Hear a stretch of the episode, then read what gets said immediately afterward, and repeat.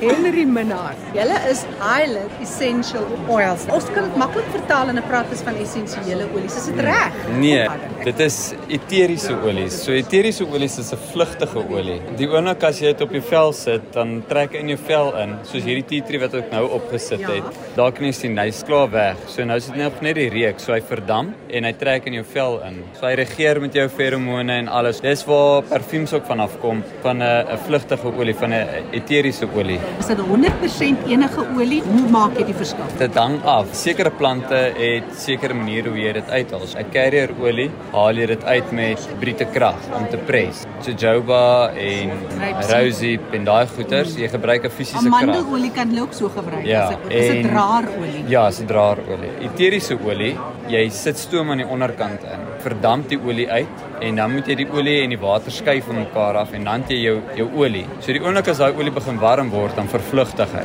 So 'n wetenskaplike proses wat jy van praat. Net so. Want dan vang jy nou die druppel olie op wat jy nie noodwendig deur krag ja. uitgedruk het nie. Yes, en nou kry jy 'n ander een soos die rose. Is nou weer 'n hydrodistillation. So jy gooi hom in water, jy kook hom en roer hom binne in water en dan maak jy jou olie want daai olie is 98% oplosbaar in water. So nou kry jy aan die einde van die produk kry jy rose water soos wat die Turke en daai mense so geniet om te drink en Turkish delight van gemaak word.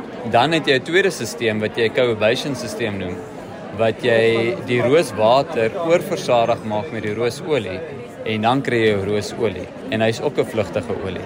Jy kan hom ook op jou vel smeer. Hy trek in en jy ruik dan die dampe kom dan eintlik uit. Net so. Dit is eintlik eteries of 'n vlugtige olie. Dis nou interessant. Maar sê vir my Henry, jy sê jou pa is een van die stigters in 'n formele bedryf in Suid-Afrika met die vlugtige olies. Maar jy sê jy het dit ingekry met moedersmelk. En wat is jou gunsteling olie en hoekom? Dis daai storie wat ek wil hoor. Okay. Die besigheid is begin in 1992. My pa se ingenieur, my ma se huishoudkundige en my pa was nooit geprikkel deur die tradisionele volstoom boerdery saai mielies. So in 92 toe is die maatskappy gestig. Een van die eerste olies wat ons gemaak het was rose geranium, malva olie. En dit was gemaak in Louis Trigard. En ek was nog in my doeke gewees toe my pa hulle die olie gedistilleer het. En elke keer as ek rose uranium ruik, dan vat dit my terug na toentertyd waar ek uh, my teddybeer gevoer het met pap en melk en my pa het vir ons biltong gekerf met sy knipmes. My ouma het vir my so 'n mooi groen T-hemp gegee met 'n blou jeanbroekie wat ek aan my teddy gesit het en ek het 'n nostalgie as dit kom by malva olie. So dit is my gunsteling reuk. Olies is eintlik 'n baie duur proses van maak want jy het baie inhoud nodig om 'n klein bietjie olie te maak. Vertel ons 'n bietjie van olie verbou en uitvoer. So elke olie het nou weer sy unieke hoeveelheid. Byvoorbeeld as jy kyk na kakiebos. Kakiebos is om en by 1 ton gee vir jou 1 liter se olie. Gaan jy na chamomile toe dan begin jy kyk na 10 ton produk gee vir jou 1 liter se olie. Roos byvoorbeeld is hier in die orde van tussen 4 na 6 ton hang af wat jy wat die jare is en alles. Maar dan praat jy van so 4.7 miljoen rose petals.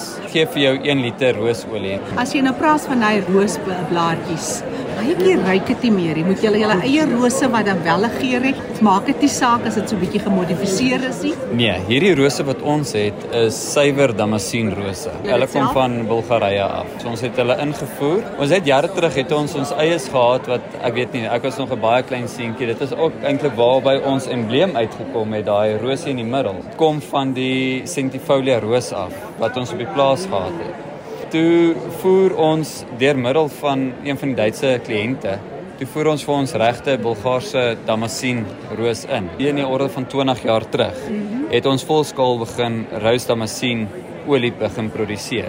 Jy moet 'n suiwer genetika hê want daar's net 5 soorte in die wêreld waarby hulle roosolie van produseer en damasien is een van die rose. Jy vertel hy my is ingenieur, jou vrou hy so kundige. Ja. Waar kom die liefde en hoe die ding so geloop dat jy vandag 'n gevestigde persoon is in vlugtige olies van Suid-Afrika? Ingenieurswese het maar gehelp om te kan kan dink en te kan beplan en te kan uh, planne maak. Hierdie is 'n vreemde bedryf. Toe, uh, ons begin dit in 92. Was daar nie eintlik plek om na te gaan kyk en te sien en te leer nie. In die waarde toevoeging tot produkte. Dit was vir my die prikkel geweest want As jy beeste het, dan verkoop jy 'n bees en dan het iemand anders jou wins. Die middelman wat die slaghuis het en die winkel wat hom verkoop, hulle maak al die wins en jy jou wins is klein. En so beheer hulle dit en as daar graan is, die oomblik as daar te veel is, dan val die prys. En dit het my uh, my ontstel. Toe besluit ek die wêreld is my mark en dis die olies. Toe het ons begin sonder 'n mark, sonder masjiene, sonder niks. Bietjie genagevors, onthou van die universiteitsdae wat ons gedoen het met distillasie en al die goed. So het dit begin. Dis 'n baie besonder, ek meen as mense kyk uit Bybelse tyd was dit Ja. nou die olie ding, die hele ding van essensiële olie van die heilige olie in die Katolieke kerk. Hy kom van Daar's ver. iets omtrent olie. Hy Ja. kom van ver. Ja. Jy weet die oudste olie wat hulle ontdek het, het hulle in koning Menes van Egipte se kraftommers van wat was dit 2 3000 jaar voor Christus Wow. het hulle in sy graf geontdek en hulle kon nog identifiseer watter olies dit was. Ja. My vrou doen sulke kursusse op die plaas oor olies en dinge. Wat is die geskiedenis van olie? Hoe maak dit? Hoe werk dit? Regdeur ook tot parfuumkursusse. Dis nogal in insiggewende inligting wat daar kan deurkom. Dan sê hy 'n boekie geskryf, die gebruike van essential oils en hy het nogal baie om die lyf. Dis 30 jaar se navorsing wat in die boekie is en al die olies, die meer gewilde bekende olies is hierin en die medisinale eienskappe daarvan, gebruiksaanwysings. Dis bruikbare inligting. Ek weet nou nie of dit is ook waar ek my op tans bevind nie, maar dit is tog asof daar 'n baie groter belangstelling en 'n 'n neiging is na die natuurlike goed van moeder aarde. Dis so waar, want ek gaan 'n interessante voorbeeld vir jou noem. Ja. As jy byvoorbeeld gifstowwe vat wat jy spuit, Ja. dan is dit dodelik vir die natuur en die omgewing en hy maak iets anders ook dood en die insekte is een van ons belangrikste goederes in ons samelewing wat die mense nie wil hê nie. Maar ja, hy's daai, moet daai die mikroorganismes is meer op op die aarde per vierkante meter tonnemaat as wat daar mense of diere of trekkers en, en implemente kan wees op dieselfde vierkante meter. So as jy daai goedjies versorg, dan is jy 'n gesonder aarde. Nou, hoe kan jy hulle gesond hou? Definitief nie met daai is sintetiese gifstowwe nie. Nou as jy nou 'n sintetiese gifstof vat, daar het 'n natuurlike een gekom wat baie goed gewerk het, pyrethrum. En hy het insekte eintlik nie doodgemaak nie, maar hy het hulle eintlik laat braak en hulle te veel geontwater en gevrek.